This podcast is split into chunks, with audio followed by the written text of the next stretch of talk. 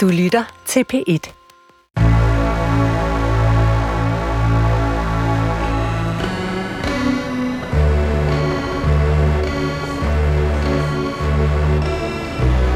Du har ringet til Hemmeligheder på P1.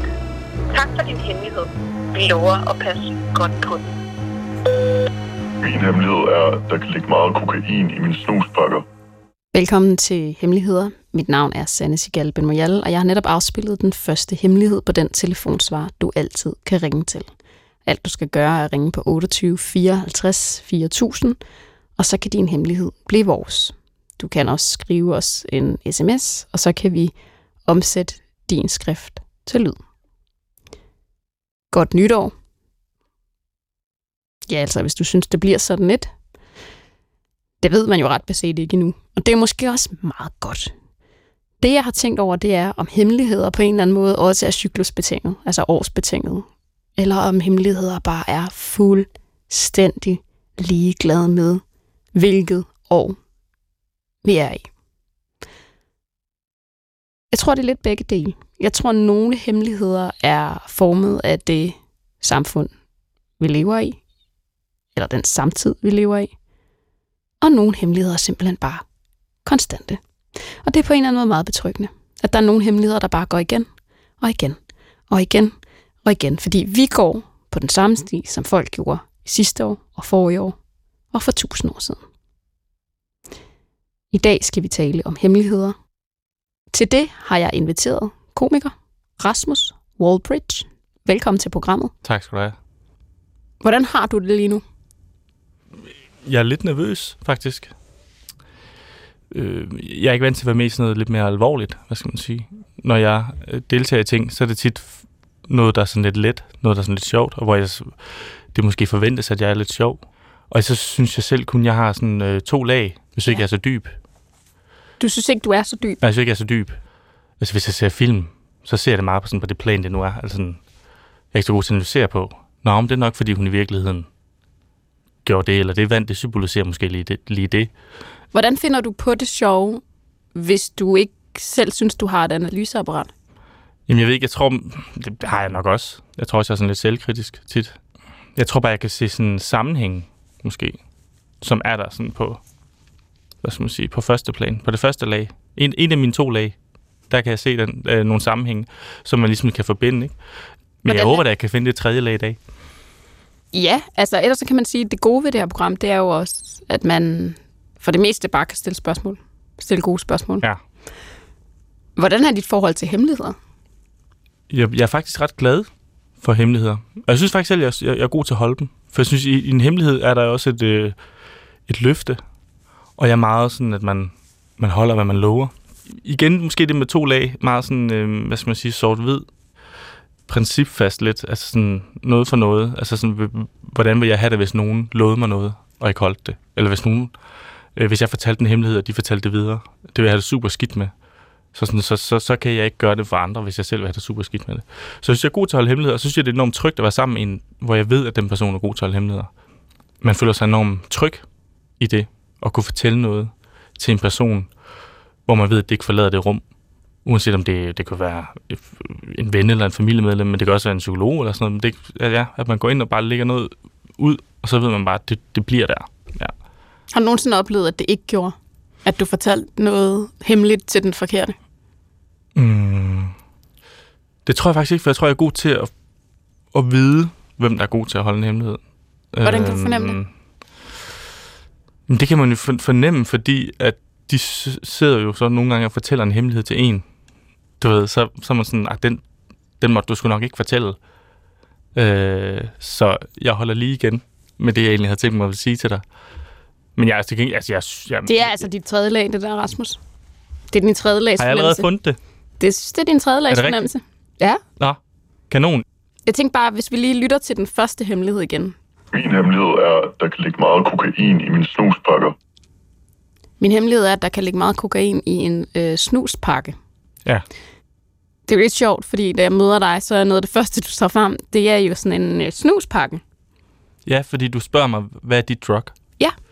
Hvad får dig igennem dagen? Og så siger jeg, det er måske kaffe, men også snus. jeg kan ikke helt forholde mig til det med kokain i en snuspakke, men jeg kan godt forholde mig til det her, at have en snuspakke på sig. Og er den sådan lidt sådan en, man kan have lidt hemmeligt?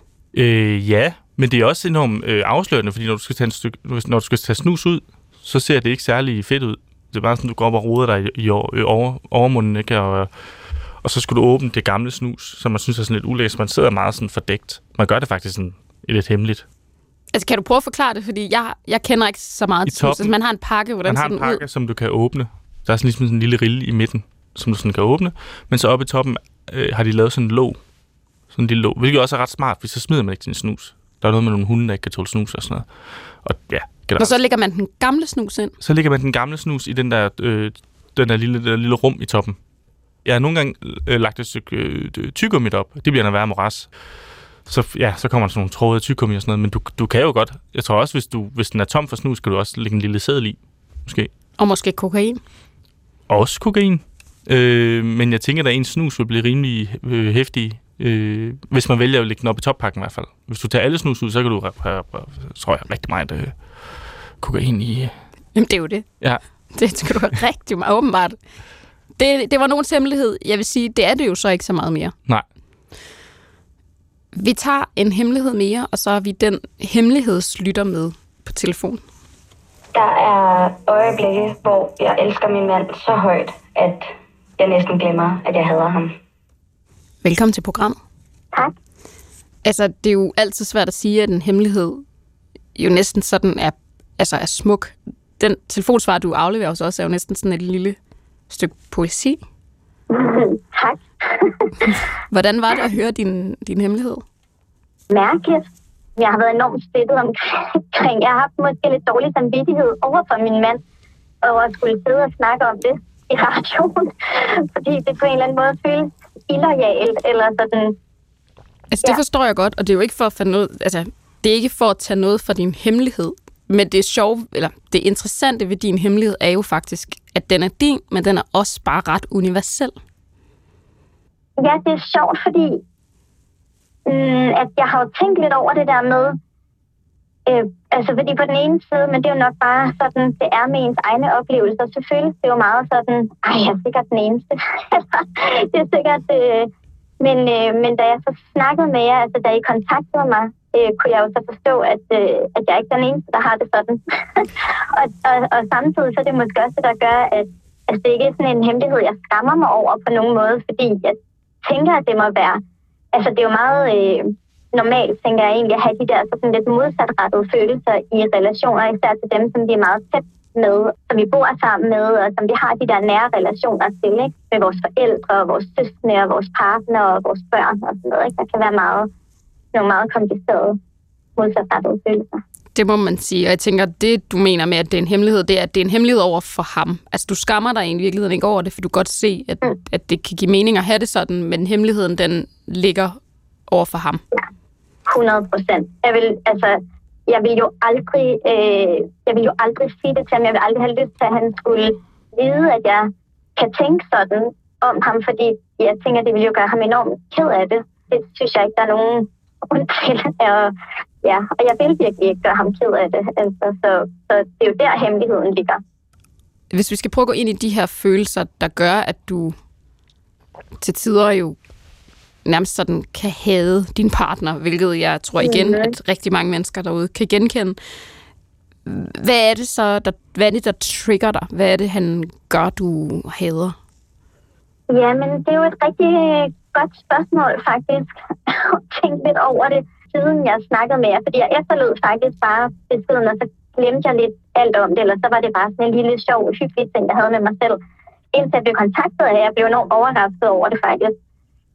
Jeg har, ikke, jeg har ikke helt fundet ud af, hvor meget af det, der ligger hos mig, fordi jeg måske er sådan for kritisk og har en eller anden jeg tror, jeg faktisk kan have lidt svært ved at bare være i et forhold uden at, at være utilfreds eller kritisk eller sådan. Og det er jo lidt usympatisk, men, men sådan, hvor meget af det, der ligger hos mig, og hvor meget af det, der ligger hos ham, fordi han kan være enormt svær at leve sammen med. Altså, han er, han er meget negativ, og, øh, og så kan man sige, så, så er der sådan nogle ekstra lag ikke, med, at vi, vi har børn, og det er nok meget mig, der har stået med de hårde ting med, du ved, at jeg har haft alle nætter, alle morgener. Øhm, det er ligesom, det er mig, der har været på dem de første mange år af deres liv, hvor han ligesom har kørt sit liv videre, sådan ret uændret, og det, åh, det kan bare være så svært at, øh, at, at være i, altså. Og hvor meget af det, der er omstændighederne, altså det her med at have små børn, det er bare enormt hårdt, og man bliver virkelig... Øh, altså, man bliver sat på spidsen på en eller anden måde. Lagene bliver på en eller anden måde. Alt, alt det der sådan rare bliver skrællet af en, når man ikke får sin søvn, og når man er i konstant altså nærmest konkurrence om, hvem der kan få lov til at gøre de ting, som ikke kun er forældreskabet, men som også er os som mennesker og sådan, ikke? Altså, så, ja, så, så jeg vil sige, at faktisk det er et enormt svært spørgsmål at svare på. Jeg tror, det er noget, jeg skal sådan tænke lidt videre over. Ja. Der er også et eller andet i, eller jeg hæfter mig ved, at du siger det der med, at du er kritisk. Altså, har du tænkt over, hvad forskellen er på at være kritisk og egentlig bare have forventninger altså til den anden?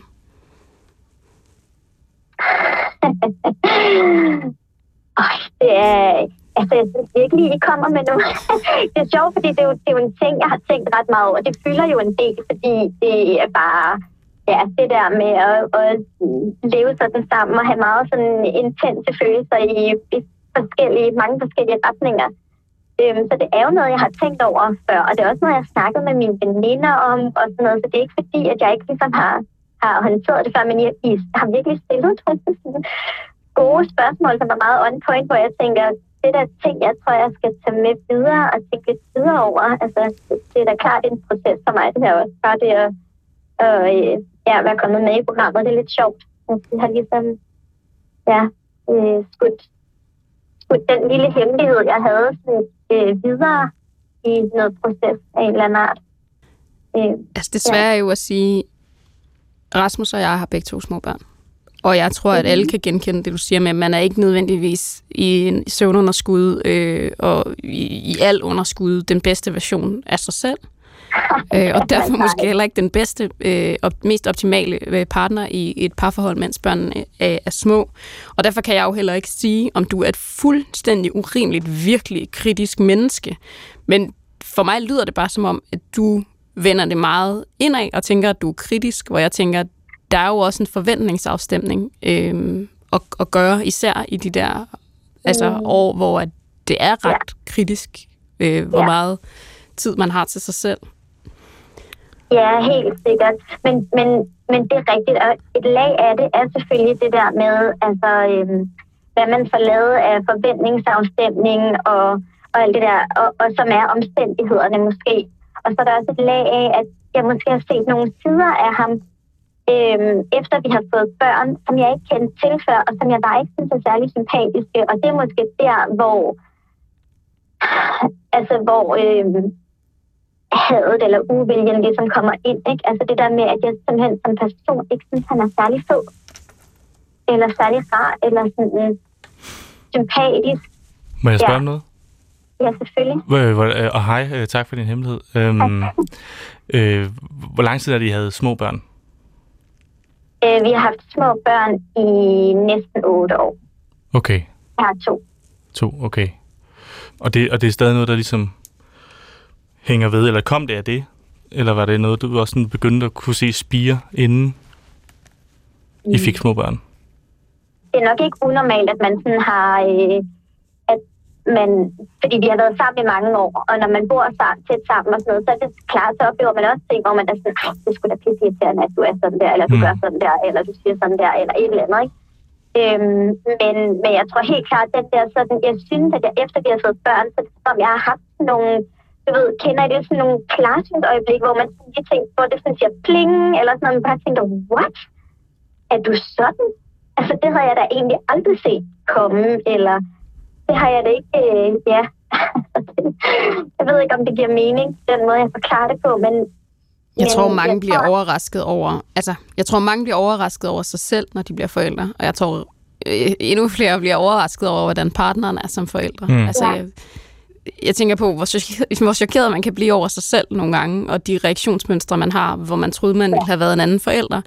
så er det jo klart, at, at, at det er jo dobbelt op, når det er ens partner. Altså, man er jo ikke inde i hovedet på ens partner, og det kan jo være virkelig overraskende, at man ikke reagerer med, ja, med et større overskud eller en større empati. Altså, at man Mm. troede, man var bedre end det. Det er også en Ja. tid, hvor det er bare sådan...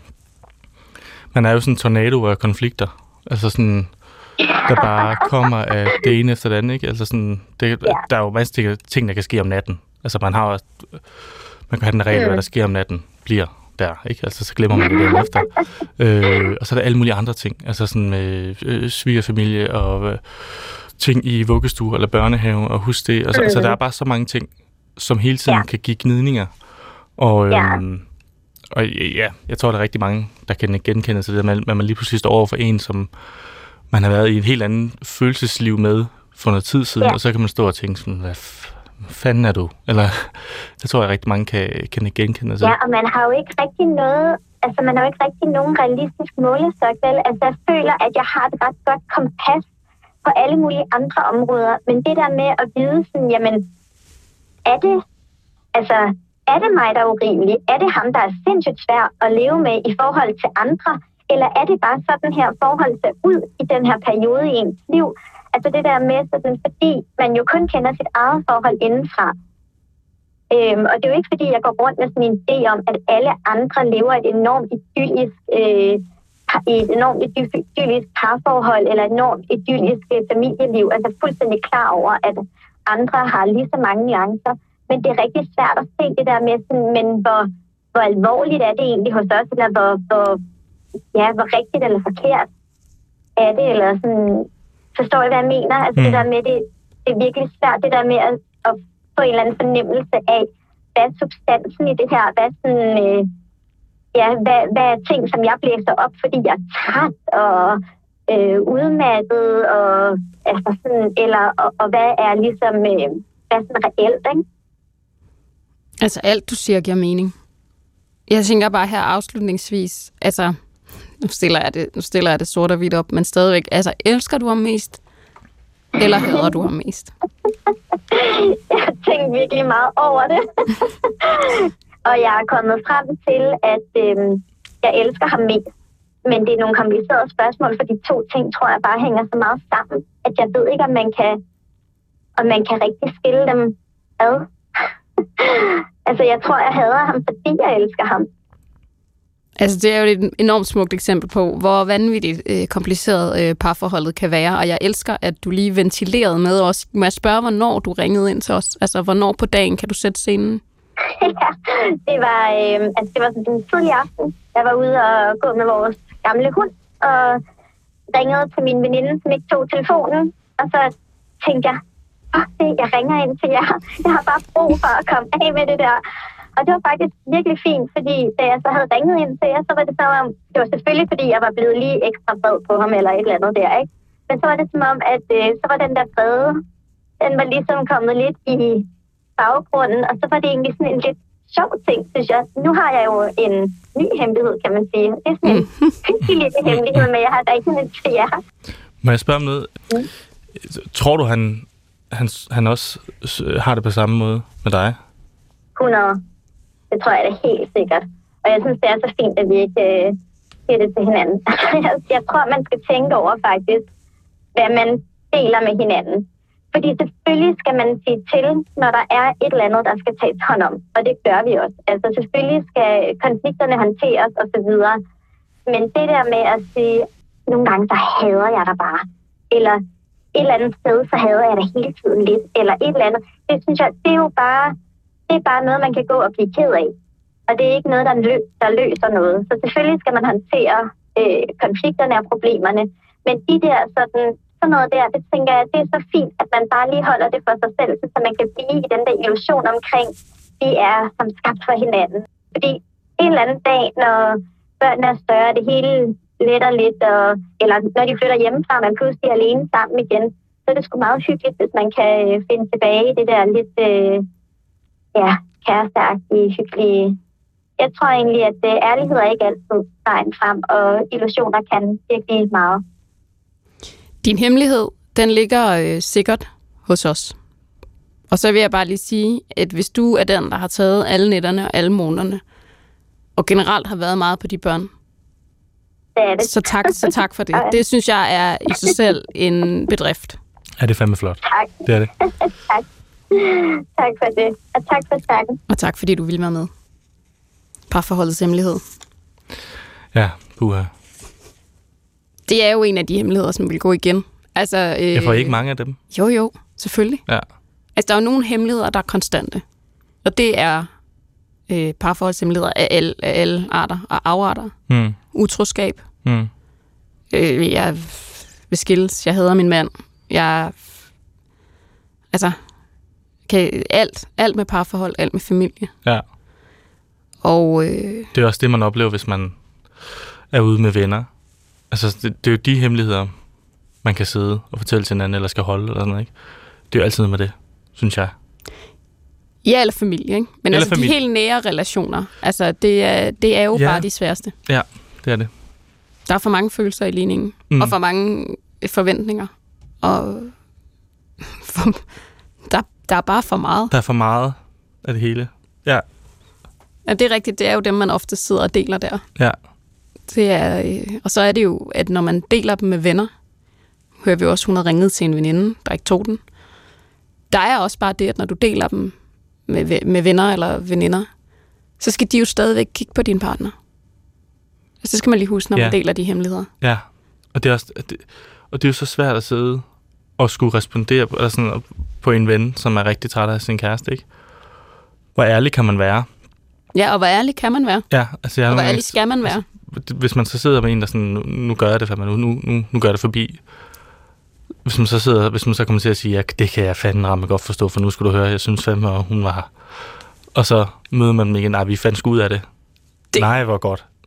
Det er super. Og så skulle altså både møde vennen igen, ikke? men også kæresten, og så ved vennen, at man har synes øh, hun var, var nederen. Og så, ja, Ja, den er svær. man skal passe på, man skal være meget diplomatisk, synes jeg. Hvis man ligesom også selv er, er viklet ind i det, på en eller anden måde. Hvis man, hvis man ikke kender personen, eller sådan en, ja, så kan man godt, øh, eller ikke have så meget med dem at gøre måske. Men hvis man, hvis man er viklet ind i det, så, så skal man virkelig passe på. Så kan det, det kan ende noget være, noget være noget. Så du siger, at øh, Altså når man sådan ligesom, diplomati, du siger, at diplomatiets... Øh, man skal selvfølgelig give nogle gode råd, men man skal også passe på med ikke at være sådan for, øh, hvad skal man sige, øh, øh, gå fra hende, eller jeg synes fandme, at hun er nederen. Jeg synes også, at han er træls, eller, eller han har været træls. Jeg, jeg har aldrig kunne lide ham, eller sådan noget. Jeg altid synes, han var lidt creepy, eller så. Det kan, det kan backfire øh, for sygt, sådan noget der. jeg hører noget nordjyde i dig lige pludselig. Jamen, det er, det er løgn. Nå. Ja. Øh, der skulle lige, jeg blev helt chokeret, jeg skulle lige rømme mig der. Nej, jeg er fra Østland. Jeg er fra Odder. Ja. Tæt på Aarhus. Om det var noget træls. Ja, træls, men det siger vi også i Østjylland. Det er træls. Har du aldrig sagt træls? Jeg kommer også fra Jylland. Jeg siger også træls. Kommer Det- du, hvor, hvor, hvor kommer du fra i Jylland? Vest, altså helt nede syd, der siger man også træls. Det kan jeg faktisk ikke lige høre. Nej, Dit vestjyske. Ej, det er heller ikke så meget... Er det bevidst, du har, eller er det bare sådan langsomt? Øh, nej, af. min mor taler ikke jysk, og min far taler ikke jysk. Så jeg tror, det er sådan noget med, hvad man taler derhjemme. Tror du ikke det? Så det, okay, ja. Ja. det er, jamen, det er det sgu nok, jo. Vi tager lige en øh, hemmelighed mere. Min hemmelighed er, at jeg nogle gange indkalder mig selv til møder bare for at se vigtig ud, men også for at få et break. Det er fandme fedt. Det kan jeg godt lide. Bare lige sådan melde ud. Ja, om jeg, jeg skal til møde. Se min kalender. Jeg, har ikke- jeg har ikke tid. Jeg går. Find mig i Outlook. Jeg er fedt med Outlook. Send en mail. Jeg har ikke tid. Jeg skal til møde. Kæft, det er sjovt. Ej, det, det, var det godt fundet på? Det, det er enormt godt fundet på. Ja. Altså, fordi det er jo... Altså, vi kan jo alle sammen have brug for et break. Og jeg tror faktisk, at i løbet af en arbejdsdag dag, tager alle folk et break. Altså, jeg tænker jo tit, når jeg kigger ind i sådan et åbent kontorlandskab, alle sidder og ligner nogen, der laver noget. Det tror jeg ikke på, de gør. Nej, det gør de heller ikke. Altså, så, øh, nu har jeg et par gange arbejdet i sådan noget. Øh, for, øh, gennem nogle praktikperioder og en ansættelse, efter jeg er uddannet inden for noget helt andet. Så Hvad er du uddannet indenfor? Ej, jeg ved ikke det hele af dem. IT-videnskab. Øh, øh, ja, øh, kommunikation, og så har jeg også øh, noget journalistik, øh, kandidat halløj. Øhm, så har jeg siddet i nogle bureauer i en virksomhed. Øhm, når, når man rammer efter frokost, faktisk, efter frokost, så kunne jeg bare male, øh, mærke, at så var jeg bare ikke særlig produktiv. Og så sad jeg bare og forsøgte sådan, hvordan kan jeg se ud, som om jeg laver mest muligt. Og det vidste jeg også, de andre gjorde. Og man, det var også der, snakken begyndte bare at gå om sådan fuldstændig ligegyldige ting. Øh, og, man, og så var det nemlig, at man gik ud og lige tog ekstra tid på toilettet. Eller øh, lød som om, man måske skulle tage et opkald eller sådan noget. Eller, altså, det var et arbejdsopkald, hvor man bare ringede til sin mor, bare sådan noget nyt. Eller sådan. Så det kan jeg godt. Men var det fordi, hun gerne ville have break, eller var det også fordi, hun gerne ville se vigtig ud? Øh, det var begge dele. Altså, Okay. jeg vil gerne se... Fordi så får man det til, at man ser virkelig ud, og Ja. ja. man får også break, Ja, ja. tænker jeg det som. Altså, fordi jeg synes jo, den der leg i kontorlandskabet, altså den der leg, hvor man, som du også beskriver, man, man skal ligne en, der laver noget, fordi Mm. man er jo ansat syv og en halv time, og så det der med, at man har været på toilettet, og man har lige været det igen, og man har også været ude ved kaffeautomaten og sådan noget, så og man har, du ringer til noget nyt, siger du til din mor, hvilket jeg også elsker, at det er den måde, du ringer til din mor på. Noget nyt. Det gør jeg tit. Er der sådan tit noget nyt, eller hvad? Nej. Nå. Eller jeg siger ellers noget. Ellers noget? Ellers noget. Altså, ja. ringer du op og siger noget nyt, eller ringer du op og siger ellers noget? Øh, jeg siger, jeg siger øh, hej Motter, hvordan går det? Og så siger hun, og så siger hun, det går fint. Så siger jeg ellers noget? Altså, det lyder som om, at du sidder i en butik og siger, var der ellers noget andet? Jamen, det er også meget standard. Ellers noget? Det er sådan en plade, man kører i. Men jeg, altså, jeg kunne godt, hvis jeg fik et opkald, som ikke var til min mor, så fordi det gjorde alle dem, øh, der hvor jeg arbejdede, øh, de, de gik altid på gangene. Ja. De rejste sig og gik Op og ned. op og ned. Og jeg tænkte bare, at jeg skal bare gå. Øh, jeg skal ikke gå rundt. Jeg skal bare gå længst væk. Fordi når så opkaldet er slut, så har jeg længst mulig vej tilbage. Men jeg, altså, jeg skulle bare have indkaldt mig selv til et møde, kan jeg høre nu. Men synes du ikke også, det er lidt sjovt med den der dans af? Altså, hvis der nu bare var en i det der kontorlandskab, jeg sidder ikke og laver noget. Hvad med jer andre? Så vil man jo alle sammen sige sådan, nej, det gør jeg heller ikke. Præcis. Og det er også øh, det, jeg tænkte, da der kom... Øh, der er jo et andet reklamebureau, der har de der fire dages arbejdsuger. Der er nok også mange andre steder nu. Hvor jeg tænker, der er, noget, der er lidt en idé i det. Fordi der, der, der er ikke tit arbejde fra øh, 9 til 17. Her, prøv, lige nu der taler vi ikke om sygeplejersker, der knokler Nej, rundt og løber sorry, på det var ikke landets... det, jeg mener. øh, nej, nej, bare for at sige, det er ikke den slags fuldtidsjob, vi taler om. Nej. Vi taler om folk, der sidder, hvor de kan indkalde sig selv til møder. Jobs. Altså Lige bare lige ved al ære og respekt Og- for alle dem, der rent faktisk arbejder ude i det virkelige liv. Dem, der så også sidder nu og knokler og har en deadline kl. 17, det, det er bare Det er heller ikke jer. mine erfaringer. Så det er ikke sådan for, ja, og, øh, og hvad skal man sige, Forklej. Ja, øh, men, men at man sad, altså jeg det kunne give god mening det der med, at, øh, for jeg synes bare, der er, der er nogle timer af dagen, hvor man bare ikke er særlig produktiv til sidst. Og så, Indkald dig selv og, til møde. Og så sidder man nemlig med den der tanke sådan, gud, de andre sidder nok og knokler. Men jeg er faktisk egentlig færdig med, at jeg skal. Altså, hvis der ikke kommer en dumt derned, så, så ved jeg ikke lige, hvad, hvad jeg skal give mig til. Og så skal man jo finde på et eller andet. Tror du, de online shopper meget? Ja, det tror jeg, de gør. Jeg tror, de, altså, jeg tror man, er, man ud, udvikler sådan et lynhurtigt øh, fingersystem til at sådan, øh, med faner og sådan noget, så man lige kan gå ind og, og, og købe noget. Men jeg har jo synes, 500 faner åbne af gang på min telefon. Altså 500 faner er i brug. på telefonen? 500. Det er max. Øh, det kan jeg ikke lade tænke på, at du har det. Hvorfor, øh, hvorfor har du det? Det ved jeg ikke. Du, altså, du, du tømmer mig aldrig? Nej. Jeg Hvorfor? har altid fundet tilbage til mit liv. Se, hvor jeg lige var henne i for 20 uger siden. Men det er meget sjovt. Det er også en god idé, hvis man, kan, altså, hvis man har glemt det. Hvad fanden var det nu? Jeg, nok, jeg har nok en fan med det. På den måde tilbage. mister jeg aldrig noget i mit liv. Nej. Men jeg sad engang på et åbent kontorlandskab, hvor der simpelthen blev leveret så mange pakker fra Zalando. Altså erhvervs, altså så man fik dem leveret til, til fordi man sad jo alligevel på kontoret. Ja. Men det var uhyrligt mange pakker, hvor jeg tænkte, de der, de er blevet købt i arbejdstiden. ja. Så øh, indkald dig selv til møde, eller tag en snak med din leder om, hvor produktiv du egentlig er. Men er det ikke vildt? Altså, det er fandme modigt også, at den her person. Ja, På forestil dig, hvis sådan en anden kollega vil hende noget, som hun skal ind og sådan, jeg er nødt til lige at gå ind og snakke med den her person, øh, men hun sidder i møde, men jeg gør det altså lige alligevel. Og så kommer hun ind, og så sidder hun bare i rummet for sig selv. det er den er ærgerlig. Det, ja, det, det er bare modigt. at personen tør. Ja. Vi øh, tager en hemmelighed mere, og så har vi lytteren med på telefon. Hej, øh, jeg har en hemmelighed. Og øh, den er, at øh, hver gang jeg har været til filosofiundervisning, så får jeg sådan nogle voldsfantasier om de andre på holdet. Det er ikke nogen blodige voldsfantasier. Det er mere sådan noget med at slå en syngende hård lussing, eller stikke nålen ned et sted, hvor det gør ondt. Jeg har tænkt over, hvorfor han generer mig på den måde. Og øh, jeg tænker, at det er, fordi han, han taler alt for meget om irrelevante ting. Det er der også andre på holdet, der gør. Men det, der udmærker sig ved hans udtalelser, det er, at han ofte enten latent eller åbenlyst øh, er misogyn eller racistisk i sine udtalelser. Ja, selv så tror jeg egentlig, han tænker, at han er en dejlig mand. Og øh, ja, noget som også er prikken over i det er, at han taler alt, alt for højt. Nærmest brøler og optager alt plads i rummet med sine ord og sin lyd.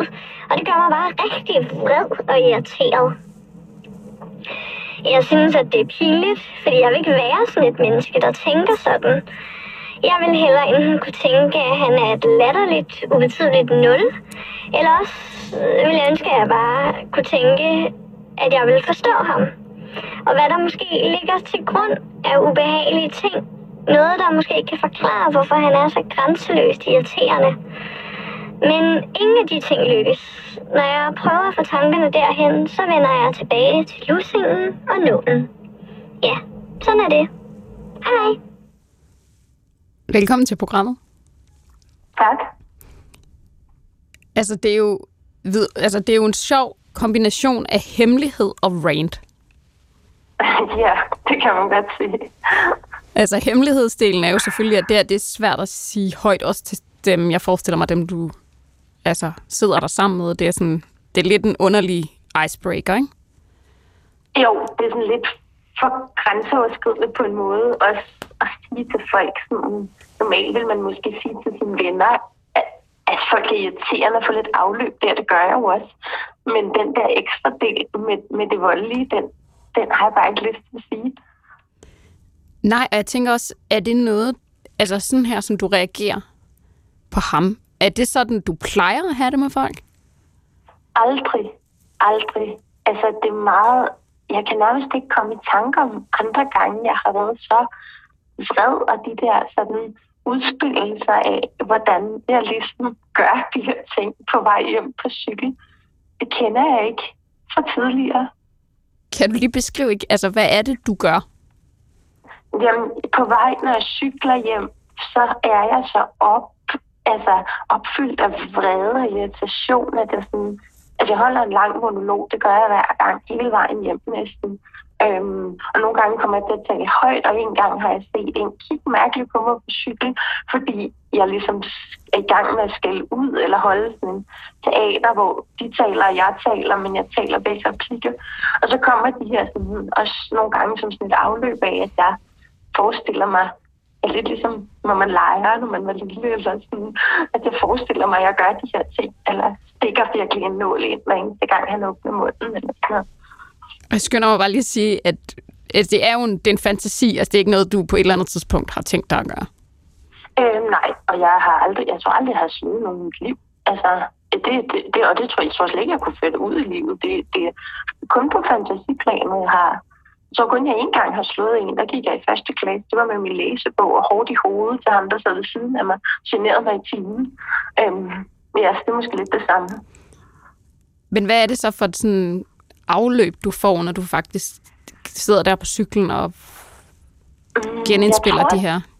Jeg plejer at læse og elske at komme til de timer og virkelig nyde at være til undervisning. Og så jeg har følt en følelse af, at de virkelig sådan har, har, har taget noget meget værdifuldt fra mig. Og altså, at det også nærmest gør ondt på mig at være der, fordi jeg bliver frataget noget, jeg elsker så højt. Øhm, så det er så måske en måde at, at, gen, at, ligesom at ønske, at, at de også kunne føle en form for smerte, eller sådan en åndelig smerte overspillet i en fysisk smerte, måske. Og du og har ikke lyst til at forstå ham her. Nej, og det er faktisk det, der er det ærgerlige, fordi det vil jeg jo håbe. Altså, jeg virkelig håber mig selv, at jeg var sådan en, der kunne forstå, hvad er det, der gør, at du er så presset, og at du kommer ind i klassen, som om det er en kamp på liv og død, at der nu igen er nogen, der synes, at kvinder eller folk med minoriteter også skal have noget at sige i samfundet. Men jeg har, kan mærke, at jeg har 0 gram øh, lyst og empati for det her menneske, og det, er, det skræmmer mig også lidt faktisk. Jeg elsker, hvis du kunne se Rasmus lige nu. Han har taget øh, det begge arme over, øh, hvad hedder sådan noget, over kors. Over kors, ja. Og, øh, og, og lytter. Altså Ja. sådan, til, prøv at forstå, hvad det er, der er på spil her. Altså, fordi det er jo sådan lidt en atypisk hemmelighed. Altså, men jeg tror, at Altså, mange... lytter han sådan i forarvelse? Nej, det eller gør jeg ikke. Det gør jeg ikke. Øh, jeg, Eller- jeg sidder tit sådan... Øh, der er mange, der siger, at jeg har... Og først og fremmest øh, tak for din hemmelighed, øh, men jeg, jeg, der er mange, der siger, at jeg har sådan øh, øh, resting øh, bitch face. Og så, så jeg kan godt se sådan lidt sur ud, men det, det er jeg ikke. Jeg sad bare lige og lyttede. Men jeg Så jeg tænkte kan på, heller ikke se dig. øh, om, altså, hvorfor det er, du ikke kunne finde på at sige det her?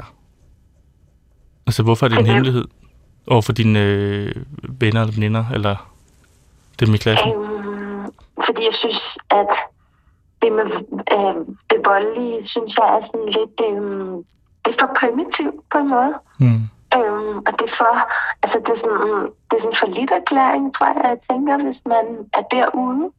Altså, hvis man ikke ligesom kan tale sig frem til noget på en fornuftig, civiliseret måde, eller tage noget op med folk på sådan en rolig og voksen måde, eller Ja, jeg tror, det er den del, fordi ikke den del af, at det generer mig, men mere den del af, at man også får lyst til sådan at, at gøre noget, der, der gør ondt. da jeg var under uddannelse, så øh, kunne man da godt sidde, hvis man sad i man var tryg med i en gruppe, så har jeg da før oplevet, at der blev sagt, at jeg, kunne- jeg kunne simpelthen jeg havde lyst til at slå ham, slå hende. Altså, en underviser. tidspunkt. Ja, en underviser. Øh, også en, en medstuderende, eller sådan, så, så, så for mig vil, ja, det var fordi, for mig ville det ikke være sådan en ting, hvor jeg ville føle, at den var sådan en hindring, fordi det var sådan vold, fordi jeg tror, jeg vil f- igen føle jo, at det bare er, en, er noget, man siger. Øh, Altså, fordi vi alle sammen godt ved, at når man siger det, så Ja, når man mener siger det, så mener man det ikke rigtigt. Fordi man jo ikke gør det. Man går ikke bare rundt og, slår hinanden. Men det er jo måske, fordi det så for dig er helt uvandt at have sådan nogle følelser her. Måske. Måske, men også fordi jeg har, jo har lyst. Jeg tror ikke, at jeg vil ikke gøre det, fordi det vil jeg ikke. Men det er jo også det, det er jo ikke bare sådan, at jeg har lyst til at slå dem, sådan som, eller ham, eller sådan, som man kan høre folk sige på sådan en lidt mere overført betydning, jeg er irriteret eller sådan. Men her er det jo faktisk også lidt en ægte lyst. Om han er krøbet ind under huden på dig, ham Ja. her. Ja, ja det er det. Ja. Og også det med at dukke op, bare mens jeg sidder og læser mine lektier og forbereder mig, så fylder han også i mine tanker, og jeg er så vred over det. Jeg vil gerne have det rum i fred og nyde det. Nej, men han er et billede på noget større, ham der. Det kan jeg godt mærke. Ja, det tror jeg. Altså, jeg tænker, han trigger noget i dig, som er noget større end den her øh, undervisning. For jeg tror, det er også Rasmus snakker om, det er jo, i sådan en undervisningssituation, både med sine medstuderende og sine undervisere, kan man blive sådan meget restløs, og man kan blive irriteret over folk, der spørger hele tiden. Eller, altså, der er sådan nogle irritationsmomenter, men ham her, han er bare et billede på noget, som er, som er større, som går imod alt, hvad du tror på. Som jo er en autoritetsfigur, altså som nogen har udnævnt til at være en Ja, autoritet. Ja, det er måske også det der med, at det foregår i det der høje stemmeleje, at jeg næsten tænker, at det er sådan umuligt, at jeg har nærmest ikke engang stemmekraft til at tage den til at tage diskussionen op, eller, eller sådan kaste mig ud i en kamp, eller, og der er heller ikke nogen lytten, eller der er ikke nogen vendt mod andre mennesker. Det er bare eget spor, der pløjer der ud af. Så ligesom om man også ligesom er sat helt til væk, så det derinde kan, kan komme igennem den lydmur, du er meget, det er en meget levende beskrivelse. Altså, jeg, jeg sidder der næsten øh, i det der øh, auditorium med den her høje lyd. Men hvis vi nu skulle sige, at... Fordi alt det her, det er jo fantasi. Så hvis man ligesom skulle blive i fantasien og sige, nu står han der, og du står lige overfor. Og nu kunne du få lov til at sige sådan... Nu, nu kan du få lov til at sætte ham på plads. Altså, hvad vil du så sige? så vil jeg sige til ham, at han skulle åbne sit sind, stoppe med at være så indskrænket. Han skulle holde mere kæft, og han skulle brælre mindre op, og han skulle lytte mere, end han taler. Og det skulle i hvert fald være det næste år, om ikke for evigt. Lad det blive det sidste ord. Sådan. Lad det blive det sidste ord. Tak fordi du var med. Tak fordi jeg måtte. Altså, vi har jo fra tid til anden sådan en hemmelighed, som også lidt er en rant. Og det holder jeg også lidt af, fordi det siger også noget om, hvor er vi henne i tiden. Altså, det her, det er jo også en hemmelighed. Øh, ej, det er en hemmelighed, fordi det er skamfuldt at føle, altså, at man ikke kan styre sig selv, eller at man Mm. er bange for sig selv, eller sådan. Men, men det er ikke sikkert, at den her hemmelighed ville have været for fem år siden, 10 år siden. Altså, der er jo også noget i tiden, der gør, at den her mand kommer til at altså, fylde noget i, i det her øh, tidsbillede. Ikke? Fordi mm. den her mand virkelig er, øh, er på vej ud. Ikke? Han har virkelig haft sin... han har haft sin storhedstid. Ja. Øh, jeg sad, jeg sad, jeg kom til at tænke på sådan en, øh, jeg sad i går og så en serie, der hedder Crashing på HBO. Det handler om sådan en komiker i New York, som så er ude, som forsøger sådan at slå igennem. Og øh, han øh, er ude og optræde med en kollega, som, som laver sådan nogle, så knippede han lige jokes, eller hvordan må man overhovedet kysse en kvinde i dag? Skal man så spørge om lov, inden man boller hende og alt den der, ikke? Hvor at man så, det var så, øh, det gik bare lige i maven, fordi at han fandt ud af der, at nu hans tid var forbi. Ja. Han Ja, kunne ikke mere ikke nu. sjovt mere. Nej. Det var virkelig, øh, der var så meget smerte i den der scene der, fordi han bare vidste bare, jamen, han havde ikke andet materiale, end at være et dumt svin. Og det er rigtigt. At det er, det er sådan en, den her type mand her, er sgu lidt på vej ud.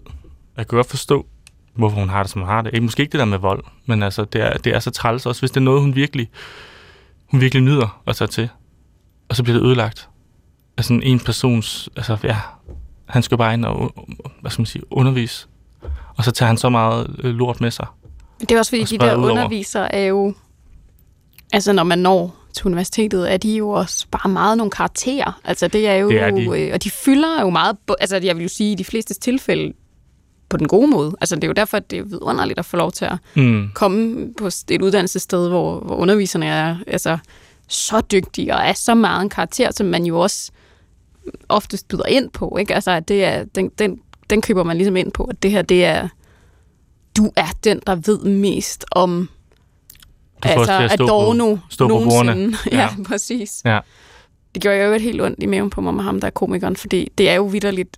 Jeg, jeg, kan godt forstå, at han har noget materiale, eller at man gør nogle ting, man har gjort hele sit liv, der giver mening, underviser på en bestemt måde, er komiker på en bestemt måde, og lige pludselig så er tiden bare løbet fra dig. Ja, Og hvad så? ja. Genopfinder du så dig selv? Kan du det? Eller må du bare ligesom lægge dig ned og sige sådan, jeg har ikke Tror du, ja, du skal blive Pedel. rad- radiovært i sådan en mindre radiostation? du skal blive radiovært, ja. Radioskala? Ikke noget om radioskala. Det var bare det eneste, jeg lige kom på. Vi tager en hemmelighed mere. Jeg er misundelig på min kæreste som min fælles hund. Altså den mængde af omsorg og nærhed, den får versus den mængde, jeg får, er fuldstændig uproportional. Jeg ville da ønske, at han ville sige hej på samme måde til mig, når han kom ind ad døren, eller sige godnat på samme ømme måde. Det var endda mig, der ville have hunden, men nu irriterer den mig næsten mere, end den gør mig glad. Jeg kan jo ikke sige det her til ham, for jeg lyder jo helt skør. Det er en kæledyrshemmelighed. Ja, Det er det jo så ikke, fordi det igen, og sådan er det jo ofte med hemmelighed, altså det dækker over noget større, ikke? Altså det er jalousi til en hund, øh, fordi man mangler noget ja. i en relation. Som man, ja, som man så fandt ud af, at øh, man skulle være en hund for at få. Ja, og det er jo svært, hvis man ikke er en hund. Ja. Jamen det er det. Øh, altså, jeg er jo øh, jeg er allergisk over for, øh, for hunden. Min, min søns bedste ven er, øh, er en i vores families øh, hund. Og det er bare det, det, det er den eneste, han øh, sådan tit bare holder af og siger, at han holder af. Øh, der kan man da godt føle, at det går næsten nogle gange. Sådan, det er jo en hund. Ja, ja. der var øh, den næsten. Øh, så på den måde kan jeg da godt øh, forholde mig til det. Men, men det der, det der, ja, At du faktisk tænker sådan, der går lidt noget fra mig ved, at du elsker den så meget. Ja. Har, har du forstået, at det er bare en hund? Ja, Men det må også være hårdt, hvis man mangler. Altså hvis man mangler at blive mødt med sådan en hej skat. Og så siger man, hej skat, Nå, det var ikke til dig. Det var til hunden. Jamen, det er så hårdt. Ja. Der er jo noget med den der kærlighed, som ikke er særlig kompliceret, som er meget lettere at, at, altså at forvalte. Og man kan også bare sige, læg dig for satan, eller gå, hvis man ikke gider den mere. Præcis. Det kan man ikke i, i, i den anden relation. Lige præcis den hund, som min, øh, min søn elsker, elsker jeg også øh, rigtig, rigtig højt. Og jeg, Kan du sige, hvad det er for en hund? en, øh, hvad fanden, en springerspanier, springerspanier, jeg Ja. ved ikke, hvad det hedder. Sådan en, en øh, lille brun en med nogle flappede ører. meget energisk hund. Ja. Øh, som jeg også øh, altid kæler rigtig, rigtig, om, rigtig meget med. Øh, og øh, endte også med, sådan, at den, Trods den skal allergi. egentlig, ja, trods allergi, og den skal egentlig sove, sove i sin kur og sådan noget, men så sådan, nej, den kan godt sove med mig, sagde jeg så. Ja, Så den sov altid med mig, og så lå jeg bare øh, hele natten, og øh, havde øh, astmainhalatoren inde ved min seng, og øh, Benadryl, og trods af det, fordi jeg sådan, det. For så sød var den. så sød var den. Og også bare det der med, at den helst ikke skal springe op. Den må ikke sidde ved en, når man sidder. Men det var lige bare sådan, kom herop. Så kom der for satan. Og så, så kunne jeg bare sidde sådan hele aften og bare kæle med den. Og tit havde jeg bare mere lyst til måske bare at sidde og kæle med den. Men det, men det er jo essensen af hemmeligheden. Ja. Ja. Altså, fordi det er jo det der med, at man har jo en... Jeg forestiller, man står op om morgenen, og så har man lidt sådan en sæk, altså en kvote med, med kærlighed på en eller anden. Altså, altså sådan, hvor meget kan man nusse, hvor meget kan man have overskud, hvor meget kan man være kærlig, og hvor meget altså, kan man drage omsorg for andre mennesker. Mm. Og til sidst på den der dag er den jo tom. Ja. Ja. Altså, så har man jo givet... Øh, øh, og når man der kommer hjem, som jeg forestiller mig, den her situation, øh, der er den jo ved at være tom. Ikke? Mm. Og så er det bare, altså, så er det meget lettere at drage omsorg for en hund. Ja. Altså, det er jo det, der... Øh, altså, så, det, så det er det der med, at man forstår jo godt, hvordan det her det er sket. Ja, altså, præcis. du kan se springerspanien springe op og nu... Altså, det er jo meget let at se, hvordan sådan noget her sker. Ja. Fordi problemet er bare, at der er ligesom altså en sum. Du har, den ikke. du har så meget omsorg i dig. Præcis. Og det kan lynhurtigt bare ryge alt. Alt ryger over til en hund. Og der er det jo nok, at øh, enten må man øh, acceptere det, og ellers så er det den helt store snak om, hvordan man forvalter den sæk. Ja, det er rigtigt. Den sæk omsorg. Altså, fordi øh, det er hårdt at tabe til en firebenet. Det er forståeligt, men hårdt. Det er meget hårdt, men man, man kunne godt lave en aftale om at tale lidt grimmere til den. Du tænker, at det kunne opveje det lidt? Ja. Vi tager den sidste hemmelighed, før du fortæller en hemmelighed. Jeg er en gymnasielærer i starten af 30'erne, som er lykkelig gift, men som øh, kan have nogle seksuelle fantasier om mine elever, særligt drenge i 2. og 3. G, der sådan er særligt modne. Det er aldrig noget, jeg kunne finde på at udleve på nogen måde, men jeg synes nogle gange, det kan være svært at koncentrere mig om at undervise de pågældende drenge. Ja, det var bare det. Altså, det er jo så også en fantasi. Så det er jo sådan en hemmelighedsfantasi, som man igen heller ikke rigtig kan sige til nogen. Altså, det er igen sådan et undervisningsmiljø, hvor at jeg tror, man skal... Nogle hemmeligheder skal man jo også holde for sig selv. Mm. Og det her, det er nok en af de her fantasier, man må sige, at så længe man underviser, skal man nok bare virkelig holde den for sig selv. Så kan Det- man aflevere den herinde.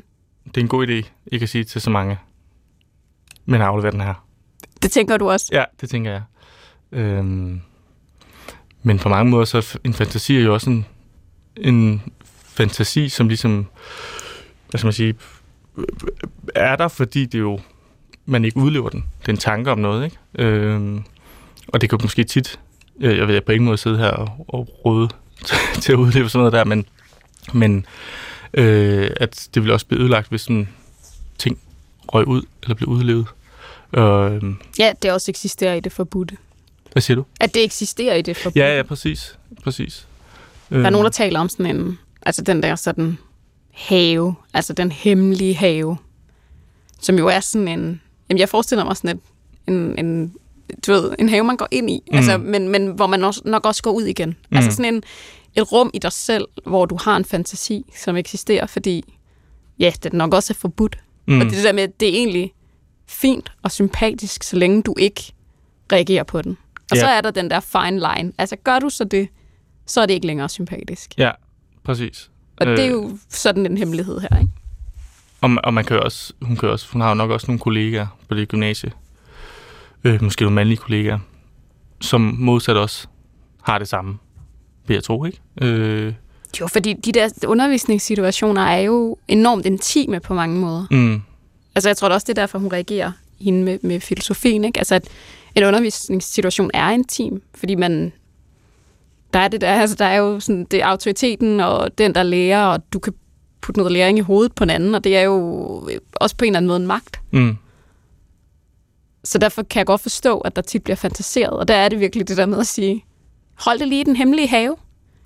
Hold din hemmelige have, og måske også, det er selvfølgelig også, øh, øh, så, hvad skal man sige, nu siger jeg træls igen. Men Det træls altså sige. øh, for hende, at det ligesom går hen, hun siger, det også er et problem for hende i undervisning. Ja, det er der, det begynder at blive lidt, bliver det, lidt for øh, meget. Ikke? Altså, man, kan godt, man kan godt, hun kunne godt se på nogle 18-19-årige øh, fyre, som er godt skåret, eller hvad skal man sige, som er flotte, ikke? Og, og så, men at det så også går hen og bliver et problem. Det er selvfølgelig også ubehageligt for hende. Og det er, der, må, det er der, hvor man må sige, der må man så lige gå et, et skridt længere ind i den hemmelige have. Altså, Mm. så skal lige... Så åbner man lågen til, til urtehaven. I Præcis. kommer derind. Så går man lige skridtet tilbage i urtehaven. Ja. Fordi det, må ikke, det er jo klart, det må ikke blive et problem for hende, og det må jo slet ikke blive et problem for dem, hun underviser. Så det er, sådan, det er også det der med, at tit, vi sidder og overvejer sådan etik på programmet og sådan Mm. noget. Og, og den her, den er jo, altså, den er, det er det der med, så længe der ikke er sket noget, er den jo fuldstændig inden for skiven. Mm. Mm. Altså, og det er jo det der med, den her platform, eller den her telefonsvar eksisterer jo kun, hvis vi ikke dømmer det, vi får ind. Mm. Altså, vi kan godt overveje, vi kan godt have nogle etiske overvejelser, men vi kan ikke dømme det, vi får ind, for Nej. så eksisterer det her frirum ikke. Nej. Så jeg vil også sige, gå ind i det træ lige tilbage i urtehaven. Ikke? Jeg er ikke fremme i, hvad hedder det, Pryds, Prydshaven. Vi, vi, er tilbage i, vi er tilbage i urten. Har du have? Det kan du regne med.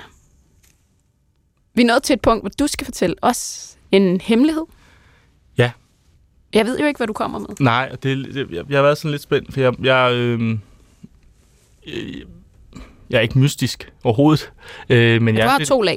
Jeg har to lag. Øh, fandt måske mit tredje lag. Og øh, jeg er sådan lidt hemmelighedsfuld. Øh, I hvert fald, hvad angår, fordi jeg laver meget... Øh, jeg kom frem på Instagram. Øh, og lavede meget komik der. Øh, og er mange, der har spurgt mig, hvorfor jeg ikke lægger mere ud. Øh, for der ligger rigtig meget sjovt indhold med... Øh, jeg laver noget med min dreng. Øh, eller bruge noget med sin familie eller sine venner eller sådan noget. Og det gør jeg også nogle gange. Øh, få gange er jeg sådan det laver jeg nu, eller øh, se lige, hvor sød han er, eller sådan noget. Men det, det, er, ikke, det er ikke så tit, fordi jeg, jeg, jeg kan godt lide at skærme mig af i det. Altså sådan sige, jeg laver sjove ting, og så øh, holder jeg lidt det, jeg er for mig selv. -agtigt. Så det har været sådan lidt en udfordring, sådan ligesom at skulle finde en hemmelighed. Ikke? Så det er nok ikke, også fordi man er jo en offentlig person, så jeg, kan ikke, jeg kan ikke sløre min stemme. Øhm, men Ej, det er også den hårde præmis. Altså, jeg ved godt, at når folk deler til sidst, så er det jo ikke anonymt. Og det gør det jo. Det, Altså, det, det er lidt det. Og øh, jeg tror, jeg vil... Jeg var i tvivl om, jeg skulle vælge. Så jeg, jeg vil spørge dig, om du vil høre en hemmelighed om øh, spøgelser eller om tis. Hvilken en er bedst? Det er det, jeg ikke ved. Øhm, Så jeg er dårlig til tis. Altså, jeg er ikke så god til tis. Nej. Men vi har haft en hemmelighed før, øh, om tis, som var ret sjov, faktisk. okay, Så du siger tis? det bliver tis. Øhm, tilbage i gymnasiet skulle jeg holde en øh, fest med nogle venner, øh, som var sådan lidt en større fest, øh, hvor vi inviterede Ja, at man, man, øh, det var ikke bare vores venner, det var sådan en, hvor vi øh, lagde plakater op på gymnasiet og sådan noget, for vi skulle spare op til en julefrokost, vi skulle have, hvor vi tænkte, at nu skal vi bare tjene sygt mange penge, og så bare holde en mega fed julefrokost. Dagen efter, vi er alle sammen tømmermænd, og vi sidder og vi rydder, vi rydder det der øh, øh, forsamlingshus op og sådan noget, så falder snakken på, at vi, har, øh, vi fik solgt øh, alle vores øh, flasker Southern Comfort. Og så er der en, der siger, forhåbentlig ikke den, der stod bag døren, og så, så er den anden, der så siger, jo jo, den tog jeg, fordi vi manglede Southern Comfort til sidst på aftenen, så gik jeg om og tog den. Og det viser så, at der er en, der har, altså en af mine kammerater, der øhm, har pisset i Southern Comfort-flasken, øh, fordi han stod i barn, og det var meget hektisk, og vi ikke styr på en skid. Altså, og jeg tror også, han synes, det var lidt sjovt, så han har bare gået om bag baren, og så han tissede i den flaske, og så lagt den. Øh, og det ligner, Southern Comfort ligner tis, især hvis du ikke får nok at drikke, altså en væske i løbet af dagen. Det, ja. øhm, Åh, oh, nej og så kan jeg nemlig huske, for jeg stod også i baren på det tidspunkt, at der var nogen, der kom. Vi lavede nogle drinks, vi lavede sådan nogle kanner, som sagde, det, Nej, det det var nogen, der smagte, altså, det smagte dårligt. jeg sagde, det smagte virkelig dårligt. Og så smagte jeg på det, og det smagte virkelig dårligt. Nej. Og så fandt vi ud af, at vi havde faktisk solgt, fordi det var sådan noget, der, der kunne, det, det kunne give mange kanner. Så vi har faktisk øh, solgt pis Ej, på sidste, sidste nej, aften. blandet op med hvad? Øh, Rose Slime, tror jeg det er. Det er, det, det er sådan nogle shots, der hedder små kolde, eller vi kalder dem for kolde jomfruer. Sådan en gul drink. Som sådan et surt shot. Det er jo en forfærdelig, det er en forfærdelig historie. Ja. Ja. Det var ikke... Altså, I endda solgt det. Altså, det ja, vi, gør det vi har taget penge for... Øh, Og du har endda smagt det, og Jeg tænkt, smagte- ja, det smager smagte- lidt off. det smagte virkelig dårligt. Ja, Det smagte virkelig dårligt. Så det har jeg og det så gik ikke ud og sagde bagefter. Nej, altså fordi så skulle, vi havde, der var så mange med til festen. Så vi var, Er der nogen, der stadig ikke ved det? Det tror jeg, der er rigtig mange, der ikke ved. Oh, med til den fest der. Og vi sagde det jo heller ikke til de folk, øh, øh, som vi så kendte, øh, også havde, havde, havde drukket det. Altså vi var meget sådan... Øh, altså også drenge vidste det jo, og vi synes, det var, det var lidt, altså vi synes, det var sjovt. Det var ikke med vilje, men vi synes, det var sjovt nok. Øhm, og så lettede det selvfølgelig også, at jeg også havde drukket det selv jo. Ja, det kan du sige. Ja. Jamen, det er jo i virkeligheden en øh, kollektiv hemmelighed, du... Øh, Ja, jeg skal lige have ringe til nogen og sagt, jeg er ked af det. Jeg fortalte den. ja. Ja. Men ellers så kan de bare høre det. Ja. Og så kan du sige, dem, der hører det, hører det. Dem, der ikke hører det, ved ikke, hvad de ondt af. Jeg håber ikke, øh, I har mange lytter fra øh, Odder Gymnasie fra 2009. Rasmus, tak fordi du delte din hemmelighed. Andres hemmelighed også. Øh, tak fordi, at du er med til at lytte til andres hemmeligheder. Og tak fordi I lytter med derude.